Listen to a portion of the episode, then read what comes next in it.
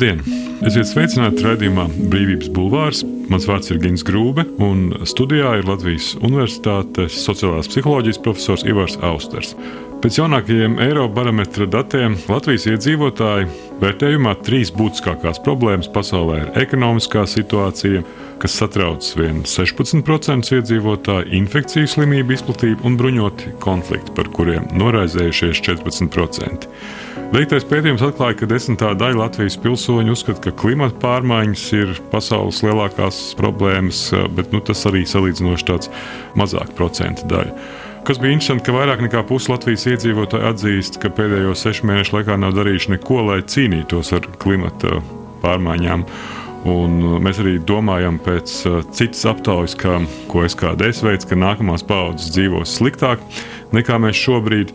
Nu, tādi, tāda nevisai rožaina izējas pozīcija. Ivar, tu kādā no daudzajām diskusijām par Covid uh, un pandēmiju teica, ka lielākā daļa cilvēku maldīgi domā, ka tad, kad viss beigsies, ja beigsies, mēs atgriezīsimies iepriekšējā situācijā. Kas tavuprāt ir tās expectācijas cilvēku, kas notiks nākotnē un ar kurām cilvēki nu, nerēķinās domājot par to savu nākotni vai to nākotni, kur iestāsies tagad? Nākotne vispār ir tāda dīvaina lieta no prognozēšanas viedokļa. Kognitīvi skatoties, nu, ko tu zini par nākotni? Nu, īstenībā par nākotni tu nezini neko. Ne? Vienīgais, kas tev atliek, tev ir meklēt kaut kādus piemērus uh, pagātnē, kā tu gribētu, lai tā nākotne būtu. Un, droši vien, ka varētu teikt, tas zaudētās paradīzes motīvs, ka tev ir kaut kādi laimes brīži, vai ne, kurus tu atceries, un tad tu ceri un arī paģēri citiem, lai tev pienestu klāt. Es pieņemu, ka tas, ko tu man citēji, bija no kādu stāstu par to, kā vajadzētu tiem, kas ir ekonomikā, biznesā iesaistīti, domāt par nākotni. Ja? Droši vien atskaites punkts ir tādā veselīgā ekonomiskā domāšanā, zinām, nenoteiktības dēlu. Ne? Ja tu esi uzņēmējs, tad eh, nu, tu nevari būt pārliecināts, ka nākotne būs tikpat laba, tikpat droša, kā tā pagātne ir bijusi. Ja? Bet to var gribēties. Bet tas, kas notiek, tu to visu krūti meties uz pretinieka ložmetēju, vai tu gribētu tā darīt, pareizāk sakot, tu gaidi, lai kāds cits to darītu, lai tev tā nākotne būtu nu, tāda pilnīgi stabilā, nodrošināta. Jā, nu, kaut kā tādā veidā man šķiet eh, par šo lietu var domāt, un ja tu prasi par Covid, tas, kas mani pārsteidz, ik pa brīdim klausoties diskusijas, kas tā Covid pandēmija tāda ir. Vai tā Covid pandēmija ir ekonomikas problēma, kam ir kaut kāda uh, veselības dimensija? Vai tā ir veselības problēma, kam ir kaut kāda ekonomikas dimensija? Ja? Un man šķiet, ka tas ir tāds principiāls jautājums. Un tad var tālāk visu to aiziet. Man šķiet, vairāk virzienu, kas ļautu par to domāt, ko es iespējams ar to domāju kādreiz. Kāpēc mēs nevarētu nu, atgriezties kaut kādā ziņā tajā psiholoģiskā, emocionālā? Nu, tādā ziņā, situācijā, tā, tādā ziņā, tādā ziņā var. Ir, ir viens tāds um, pamatmalts, man šķiet, ko par cilvēkiem var um, pateikt. Uh, mums šķiet, ka no cilvēka paša ir atkarīgs vairāk nekā īstenībā ir. Ja? Nu, nu, teiksim, ja mēs paņemam no vienas puses uh, pašu cilvēku, no otras puses situāciju, kurā cilvēks ir ielikts nu, vai nokļuvis, ja tā droši vien būtu pareizāk teikt, tad um, mums šķiet, ka uzsvars ir uz to pašu cilvēku. Nu, ka viņam var iemācīt, tur uh, labi, pareizi dzīvot. Efektīvāks veids, kā par to domāt, ir radīt situāciju, kurā cilvēkam ir vieglāk dzīvot, lai viņš labi justos. Un tā nav tikai terminoloģiska atšķirība. Ja, tā ir būtiska principiāla atšķirība. Nu, tas atkal, ja man tagad piemērs būs teiksim, par visām šīm Covid padarīšanām, ja vispār var runāt par kaut kādām kļūdām, kādā veidā kaut kas notiek. Un ne tikai Latvijā, tas ir arī citās valstīs, citās zemēs, ka e, tiek pieņemts, ka lasot lekcijas, cilvēkiem var kaut ko iemācīt. Nu, cilvēks ir tāds e, līdz galam situāciju neizprotošs, bet viņa tā motivācija ir nu, tā tādam motivētam zinātniekam, ja tu vēlēsies. Ja? Nu, mēs tagad iedosim, vai ne tur kaudzīt ar, ar, ar rakstiem. Nu, pašam pat nebūs jālasa. Mēs izlasīsim priekšā. Ja? Un, un mēs pat galvenās lietas pateiksim, kas tajos rakstos ir. Un tagad cilvēks uzreiz mainīs to savu dzīvesveidu un darīs visu, kas būtu jādara labam pilsonim, lai tas kopējais labums. Un tu domā, tas Uh, strādā minimāli, bet panākt to, ka viens cilvēks ir gatavs tā pa īstam, analītiski, sistemātiski un dziļi domāt, ko viņam saka un kā tas attiecas uz viņa dzīvi, nu, tā ir panāja ilūzija. Daudz efektīvāks modelis ir radīt cilvēkam situāciju, kurā viņam ar to minimālo domāšanas piepūli ir vieglāk kaut ko izdarīt. Bet reflektējot, domājot, nu, tas nav tā automātiski. Tev noķer uz ielas, vai ne? Un tur nezinu, kaut, ko, kaut ko izdara, tev, tev iedur sprīts dibenā, un tu esi nopotēts vai ne pret, pret covid. Ne, ne tādā veidā. Tu pats to izvēli izdari, bet nu, nedrīkst gaidīt un nevar gaidīt. Drīkstēt jau drīkst, bet uh, tas nav uh, ļoti efektīvi, ka tagad uh, visi pieņems ļoti izsvērts lēmums. Ja? Tā ir ļoti sarežģīta lieta, uz ko mēs visi kaut kādā pakāpē esam spējīgi, bet nevar tagad sagaidīt. Tu sāki to visu stāstu šodien ar to, ka Latvijā 16% cilvēku uzskata, ka ekonomiskās problēmas ir pašas nopietnākās. Nu, ekonomiskās problēmas tu jūti, vai ne? Tu saproti, ka tev kā bišķīt trūkst, vai ne? Tev vajag to nopirkt, tev vajag kredītus samaksāt, tev vajag varbūt ārstam samaksāt, un nav īsti ar ko tu nesaproti, kā gals savilkt kopā. Ja? Un tad vienkārši, kad tev viens uzbāžās, tagad domā vēl papildus tam. Par klimatu pārmaiņām. Par klimatu pārmaiņām, jā. Nu, tā kā bija šī par daudz prasīts. Jā. Viena no tēmām, kas šajā Eirobarometra aptaujā iezīmējās arī, ka cilvēki nu, tikpat lielā mērā kā par ekonomiskiem vai infekcijas slimību jautājumiem bija noraizējušies arī par bruņotiem uh, konfliktiem. Un tad ir jautājums, jā, cik lielā mērā nu, šos ārējos notikumus kā, nu, mēs nu, reducējam vai attiecinām vispār uz sevi, ka tie attiecās uz mums, vai tas, kas notiek Ukrajinā, vai tās ir daļa no mūsu bailēm. Politiķi tur saka, Ukraiņi karo mūsu vietā un tā tālāk, ko tas vispār nozīmē.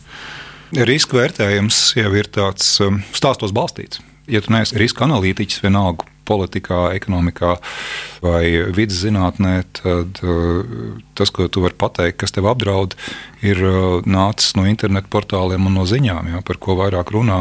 Arī no taviem draugiem, varbūt Facebookā, vai ne, ko viņi, ko viņi tur šēro, vai ne, par ko viņi runā. Nu, tad tev ir iztēle, jo tu vari kaut ko labāk iztēloties, un tas ir negatīvs notikums jo tu teiksi, ka tas ir sliktāks. Ja? Uh, lai gan, protams, ka tur ir nu, zinām, arī uh, paradoks reizēm, kā mēs zinām, attiecībā uz, uz pandēmiju. Tu vari kaut ko iztēloties, tev ir pieredze, bet eh, jautājums, kādu tu to pasaules ainu būvē ar to, vai ne? Nu, tu vari teikt, ka tas ir eh, mākslīgi radīts tādā sazvērstības teorija eh, stilā, bet tas kognitīvais mehānisms jau īstenībā tur paliek. Ja tev ir kaut kādi spilgti piemēri, kurus tu izmanto par ķieģelīšiem, lai būvētu to savu pasaules ainu, vai ne? Tas ir tas, ko tu uzreiz jūti bet tas nav tas, ko tu aptaujās saki. Aptaujās, nu, cilvēkiem ir kaut kāds priekšstats, ko no viņiem gaida. Es nezinu, kā tur prasa, vai tur droši vien jau bija vienkārši jāķeksē. Bet, ja prasītu pilnīgi brīvā formā, tad jā, ekonomika droši vien būtu vienā no pirmām vietām, veselība droši vien arī būtu kaut kur pašā augšā. Bet uh, militārās lietas nu, pēdējās nedēļās droši vien parādītos, bet es pieņemu, ka tie dati ir uh, vākti pirms pāris mēnešiem. Radījums Brīvības Bulvārs. Sarunas par to, kas notiek un ko mēs par to varam domāt. Bet interesanti, ka cilvēki šajās aptaujās domā, ka nākamās paudzes dzīvos sliktāk nekā viņi, kas nozīmē, ka mēs neesam gatavi investēt savos bērnos, vai kā tas būtu jāsaprot nākamās paudzēs. Es vairāk šādus stāstus interpretētu par uh, aktuālo izjūtu, jo nu, nav nekas grūtāks kā nākotne prognozēt. Nu, tas jau jebkurā eksperta līmenī ir tieši tāpat. Nu, kā mēs zinām no visām profesijām, kas prognozē nākotni, meteorologi ir gandrīz vienīgie, kuriem spēj puslīdz precīzi pateikt, kas nākotnē notiks. Ļoti nu, precīzi. nu, īstenībā visprecīzāk. Jā. Nu, labi, tad vēl Trojāns, kas bija šķiet iemācījies, vai ne tur līknes zīmēt. Jā. Bet tie principi jau, ko viņš izmantoja, tieši tādi paši, kā meteorologi izmantoja. Un tad ir kaut kādas darbības sfēras, kur uh, cilvēku iedarbība ir būtiska. Jā. Ekonomikā, politikā. Uzvedību taču arī var prognozēt, un tādā Zini, ziņā kaut, kād, kaut kādā pakāpē var, bet nu, pēdējā laikā e, saka, tas novirziens, e, kurš man patīk, nu, tad, e, tas, ko īsti var prognozēt, ir cilvēka iracionālo dabu, ja nu, kaut kādā pakāpē. Ne, nu, ir stabilās lietas, kas būs vienmēr, vai ne? Teiksim, tas, kādā veidā cilvēks domā par sevi, kādā veidā viņš domā par citiem, nu, tas ir kaut kāds kodols, ja? bet tas maz iespaidos to, ko tu droši vien gaidi un ko tu saproti ar vārdu prognoze. Nu, kādas būs konkrētā cilvēka attiecības ar citiem cilvēkiem? Cik labi vai slikti viņš strādās, cik viņš būs motivēts, vai viņš būs gatavs rūpēties par savu veselību, vai viņš būs gatavs iekrāt pensijai un tādas lietas. Jā, nu, lielos vilcienos jau var pateikt, ja situācija būs tāda, tad cilvēks rīkosies tā. Manuprāt, svarīgāk ir prognozēt situāciju, vai vēl vairāk veidot situāciju, lai varētu piepildīt eh, noteiktus tos, tos uzvedības modeļus. Ilgtermiņa mērķi jau cilvēkiem nav nemaz tik nepareizi, bet, lai to panāktu, visu laiku ir kaut kāda maza darbiņa jāveic secīgi. Šobrīd televīzijā ir tāda reklāma, kur īstenībā ir ārkārtīgi vienkārša Bet tur kaut kas labs ir tajā par vakcinēšanos. Ja? Nu, ir visu laiku kaut kādas sīkas lietiņas, kuras vajadzētu izdarīt. Un tur viens pārīts sarunājas, ka nu, tagad mums tur jādara tas, tagad tas. Tad, ja es pareizi atceros, skarbā diktora balss saka, atlieciet visu, tagad jums ir svarīga lieta, jums jāiet tur balstu vakcīnu uztaisīt.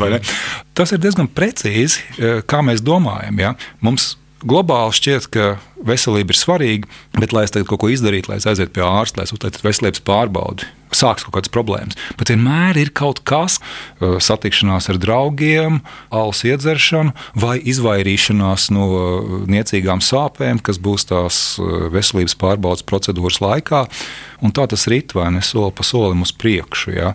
Plašāks skatījums nozīmē to, ka, ja cilvēks iemācīsies sevi ierobežot attiecībā pret tiem sīkumiem, domājot par nākotni.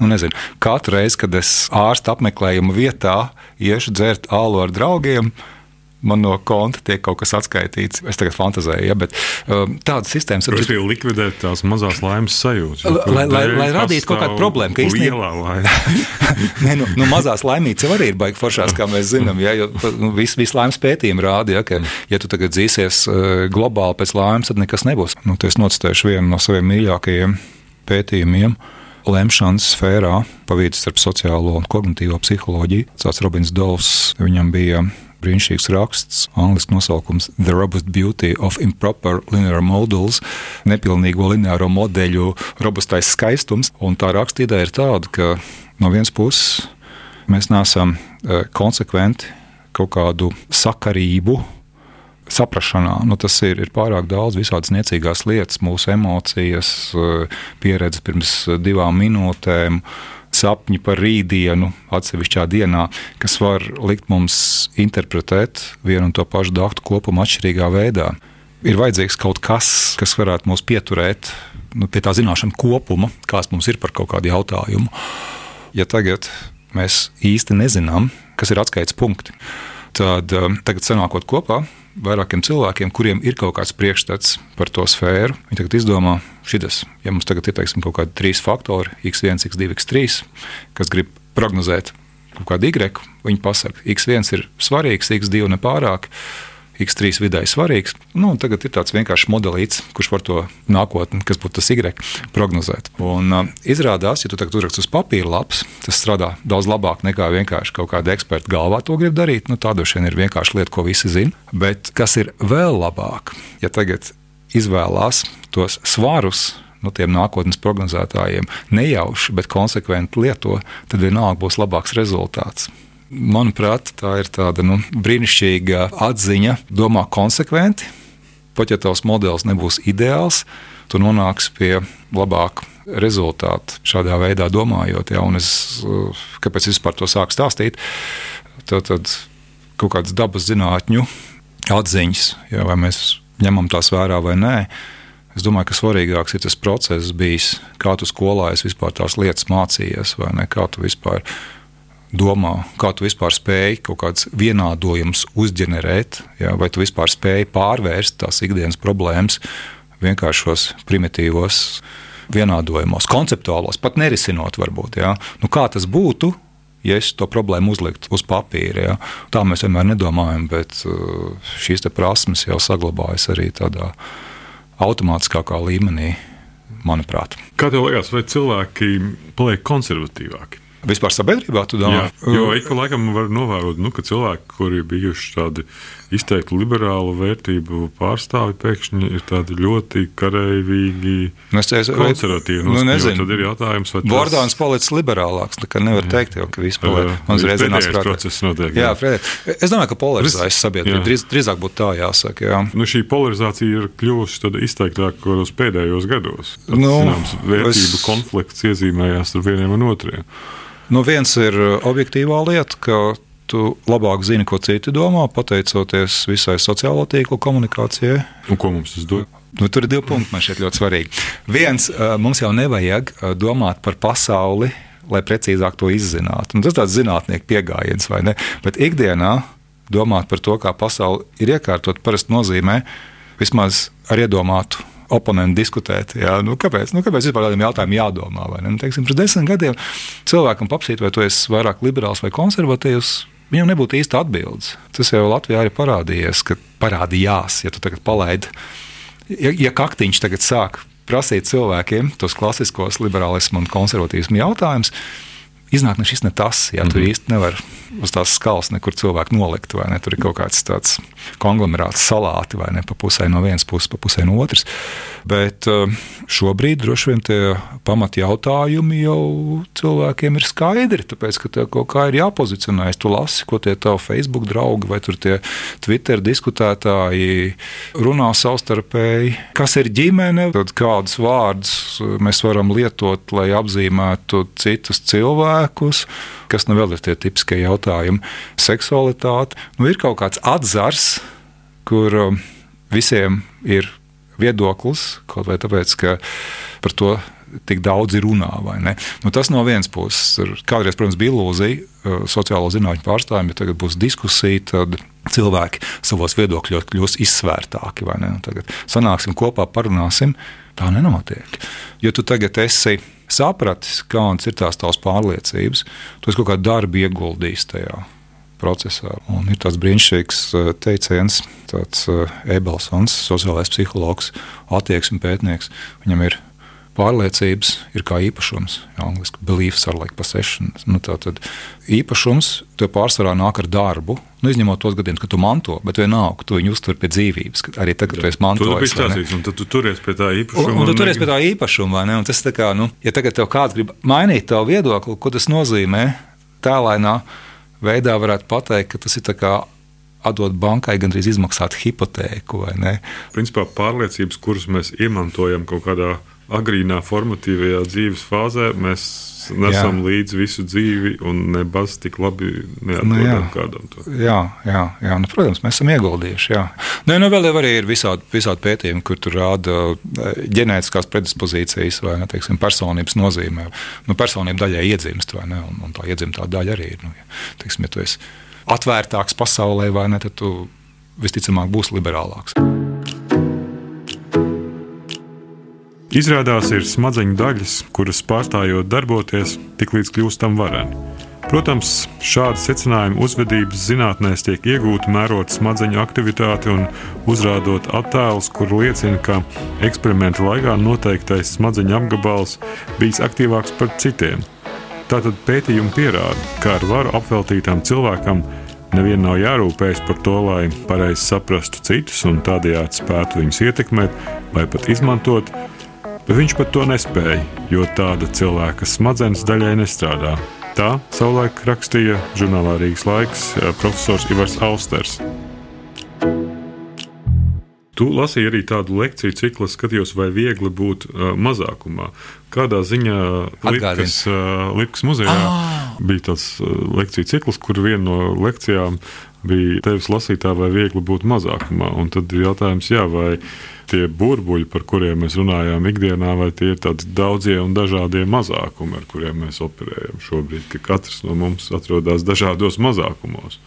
Nu, te, te nebūs viegli atbildēt, jo mazākums var būt dažāds. Mazākums var būt uh, augsts status un uh, zemes status. Un, uh, no vienas puses cilvēkiem vismaz daudziem ir sapnis būt uh, augsts status mazākumā, vai ne? Nu, teiksim, ekonomiski, nu, taču forši būt baigi baig turīgam, vai ne? vai būt, nezinu, tur uh, uh rokstāram vai ne. Tur. Spēlēt prātu vētrā, taču ir forši, vai ne? Droši vien, ka tas ir jā, jā. viegli būt tā līmeņa mazākumā. nu, jā, jā, jā nu, cita cit lieta, cik tas ir viegli vai grūti, bet, bet nu, gribās. Nu, tādā nozīmē cilvēki, cilvēki teikt, tas ir forši, vai ne, bet negribās jau būt kaut kādā apstrīdētā vai zem vērtētā mazākuma grupā. Un, nu, tas ir droši vien jautājums par to, kāpēc jaunas idejas reizēm gūst tādu ļoti lēnu atbalstu. Jo, jo katra jauna ideja vienmēr ir mazākuma ideja. Un šeit, kas ir svarīgi, lai tie jauno ideju nesēji būtu konsekventi tajā, ko viņi dara. Izmainīt tas sabiedrības viņi... ideoloģiju, tas var prasīt gadus. Bet, ja tagad, viņiem ir konsekventi jāatkārto, viņiem jāatkārto, ir konsekventi jāatkārto, jāpierāda, jādemonstrē, tad tas pamazām var mainīties. Jo nav nekas briesmīgāks, kā būt mazākuma grupas pārstāvim, kas ir nekonsekvents savos viedokļos, es speciāli saku, daudzskaitlī, un tie viedokļi atšķiras no vairākuma viedokļiem. Ja? Tad neviens to negribēs līdzināties. Jo pārliecināšana nav tikai tāds izziņas process, informācijas ķieģeļa salikšanā pareizā kārtībā, kā mēs par to domājam. Tas arī ir svarīgi. Bet, lai vispār cilvēki būtu motivēti to darīt, tur jābūt zināmai līdzībai ar to cilvēku, kurš pauž kaut kādu ideju. Ja? Nu, tur ir arī identifikācijas process, vai ne? Nu, varbūt ne ar konkrētu cilvēku, ja? lai gan varbūt arī ar konkrētu cilvēku. Pētījumi par varas saistību ar domāšanu tiek veikti vismaz jau gadus 20. Un šajos vienkāršajos un tāpēc elegantajos eksperimentos ir pierādīts, ja cilvēkam ir mazāk varas, tam neatliek nekas cits, kā būt pēc iespējas precīzākam savos secinājumos par tiem, kam vairāk varas un otrādi. Ja varas vairāk, nav jārūpējas par to, cik secīgi ir tavi secinājumi. Tā savulaik rakstīja Ivars Austers. Šis arī ir, protams, gads, kurā notiks nu, cīņa par varu. Kā veidojās tavuprāt tie mehānismi, kā mēs domājam par tiem cilvēkiem, kuri ir pie varas? Tas ir pārāk abstrakts jautājums. Tur es kā... lasīju kādu nu, tavu rakstu, kur tu rakstīji, piemēram, ka Dažādos eksperimentos ir pierādīts, ka, ja cilvēkam ir var, oh, varas vairāk, sapratu. tad viņam nav jārūpējas par to, kā, ko viņš runā, kāda ir viņa secinājuma. Oh, es domāju, kā mēs to varam, kā mēs varam to jā, reducēt attiecībā uz kādu politisko nu, procesu. Ne tikai uz tādu jā, ikdienas jā. līmeņa varas attiecībām. Viena, viena lieta, ko es kādreiz esmu pētījis, tas man bija vispār laikam, pirmais publicētais raksts senos, senos laikos, ka ja cilvēkam sabiedrības līmenī šķiet, ka viņam ir vai nu deleģēts, vai viņš ir izcīnījis mazāku varas daudzumu, tad uh, viņš ir spiests būt precīzāks tajā, kādā pakāpē viņš spēj uzminēt, kā tie, kuriem ir vairāk varas, kaut ko domā. Jo no tā ir atkarīga viņu eksistences kvalitāte lielā mērā. Nu, tāds ikdienas piemērs, ja tu tagad paņemsi, piemēram, pasniedzējs un students universitātē, tad uh, studenti, kā likums, būs precīzāks savos minējumos par to, ko viens pasniedzējs domā, nekā pasniedzējs būs precīzs savos minējumos par to, ko studenti domā. Ja? Studenti nākotnē ir lielākā mērā atkarīga no pasniedzēja nekā otrādi. Lai gan studenti par laimi nesaprot, ka īstenībā viņi var baigt daudz ko ietekmēt, ja? bet es ceru, ka tagad neviens students neklausās šo monētu. ir tādi klasiski pētījumi par uh, dzimumu līdztiesības lietām, ja? nu, sievietes vidē ņemot ir precīzāks tajā, kā viņš spēja uzminēt uh, vīriešu domas nekā, nekā otrādi. Nu, īpaši tajās valstīs, kur ir liels status atšķirības. Par to ir stāsts, vai ne? Līdz ko tu iegūsti lielāku varu, tev no vienas puses nav motivācija. Tagad mēģināt saprast, kas tur īsti notiek. Un kādā ziņā tev ir laika nav, ja tu esi tajā politiskajā procesā iekšā. Ja tev ir jārisina globāli jautājumi, nu, ko es tagad domāšu, ko tur vienkāršais cilvēks domā. Nu, jā, nu, paprasti atkal kādam tur nezinu, SKDS vai TNS vai kam nu tur tiek prasīts. Mm. Savāds datus, nu, lai uzzinātu, ko cilvēki domā. Ja? Bet, kā, no, no aptaujām jau nevar dabūt uh, pilnu ainu, kā cilvēki domā. Cilvēki atbildot uz aptauju jautājumu, arī domā, kā vajadzētu atbildēt. Nu, tur ir tas atkal stāsts par pareizību. Es tagad būšu pareizs savā izpratnē. Es būšu labs tas uh, respondents, vai ne? Bet nu, tajā ikdienas uh, mazo lietiņu gūzmā, kur tie sīkie lēmumi jāpieņem, nu, kas tev noved pie labākas dzīves, sliktākas dzīves, nu, tos aptaujās ir baigi grūti izķert. Tur ir kaut kas cits vajadzīgs. Tu arī teici, ka attiecībā uz politikas procesiem un jautājumiem nu, par izvēlēm, kas nosaka tās izvēles, tas bija kādā no šķiet intervijām, ka nevis kritiskā domāšana, bet vairāk nu, autoritātes. Kas un kāpēc tad ir tās autoritātes, un kas šobrīd, tavuprāt, ir tās identificējamās autoritātes, kurā jomā viņas ir meklējamas, kas palīdz noteikt, vai tie ir bijušie politiķi, kultūras darbinieki. Nu, Jā. Jo tas ir tāds skumjš secinājums, ka tā kritiskā domāšana ir izrādījusies nu, tāda ilūzija. Tas teiciens, domā ar galvu, jau ir tāds drusku, vai tu pats vispār spēj domāt, nu, tāda tā klišē vai ne no sociālajiem tīkliem. Tagad, laikam, drusku mazāk ir palicis domā ar galvu. Nu, nu, Stāsts īstenībā ir, ka mēs nespējam visās jomās domāt, jo mēs nevaram būt eksperti visās jomās. Nu, mēs katrs varam būt vienā, nu, labi, ja divās. Bet mēs nevaram pārzināt uh, ekonomiku, jurisprudenci, veselību un vēl, vēl nezinu, ko nu tur vajag kur reizi. Ideālā gadījumā jau vajadzētu vienkārši skatīties, uh, ko tas cilvēks, kuram tur grib klausīt, ir tajā jomā izdarījis. Uh, vai viņam ir uh, pietiekami liela pieredze, vai viņš ir atzīts savas jomas speciālists un tam līdzīgi.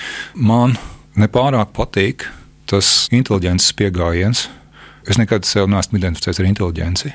Es uh, savos labākos dzīves posmos varbūt varētu pretendēt uz intelektuāļu kaut kādu lomu. Ja? Tu domā, inteliģents tādā nozīmē, ka viņi atnāk un pasaka, kuriem ir misija, cilvēki, kur kaut kādā jomā ir kaut ko sasnieguši, un tad viņiem rodas ilūzija, ka viņi zina arī kaut ko nu, parasti par uh, tautu, kultūru, nākotni, pagātni, nu, ko nu kuru reiz vajag. Bet varbūt viņi nu, zina. Varbūt zina, bet tad jautājums, kas ir zināšana kritērijs? Ja, ja vajag tādu cieto pierādījumu. Nu, man viņa viedoklis ir interesants. Uh, neapšaubām, nu, ar katru cilvēku ir interesanti parunāt, bet um, slikti ir, ka viņa viedoklis tiek izmantots kā eksperta viedoklis. Uh, nu, kaut kādā mēģinājumā saprast, kā tur īsti ir. Tas ir no manām pozīcijām skatoties, nu, viens no uh, pamatprocesiem, uh, kādā veidā mēs vispār saprotam pasauli. No tā nevar izvairīties īstenībā. Ja.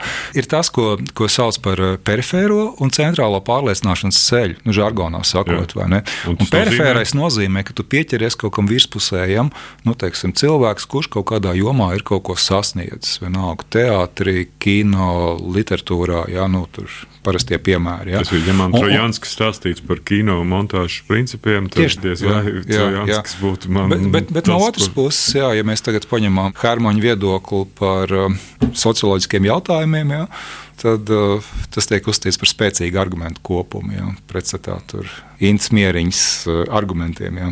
Vai tā ir tīsenkofa? Ja? Nu, es jā. tagad saucu tos pirmos sociologus, kas man nāk prātā nozīmīgie. Bet mēs tur neko nevaram darīt. Mēs vienkārši varam konstatēt, ka tā ir iekārtota. Nu, redz, nu, te, mūsu... atkal, te atkal ir atgriešanās pie tā, ko mēs te pirms kādām uh, pasmit minūtēm runājām.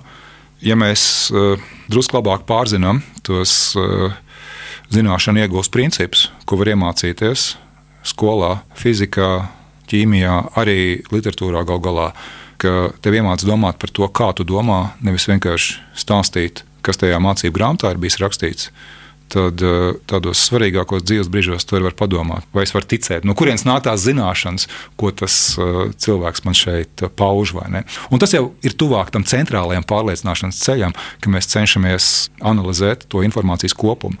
Es nekādā gadījumā nesaku, ka viens eh, kino vai teātris režisors nevarētu kaut ko ģeniāli pateikt attiecībā uz sabiedrības notikumiem. Jautājums ir, kas ir tas eh, informācijas kopums, ko viņš izmanto savai argumentācijai, un kā viņš veido tos savus argumentus. Ja, vai tas ir uh, pietiekami loģiski, vai tur neparādās kaut kādas argumentācijas kļūdas un tā tālāk. Un ļoti bieži parādās. Ja, nu, Skaidrs. Labi, paldies. Tas bija profesors Ivars Austers, uh, Brīvības bulvārs. Brīvība ir brīvība. Nevienlīdzība vai taisnīgums, vai kultūra, vai cilvēks laime. Tā teica Iesai Berlīns. Sarunas ar brīvas apziņas un ideju cilvēkiem raidījumā Brīvības Bulvārs.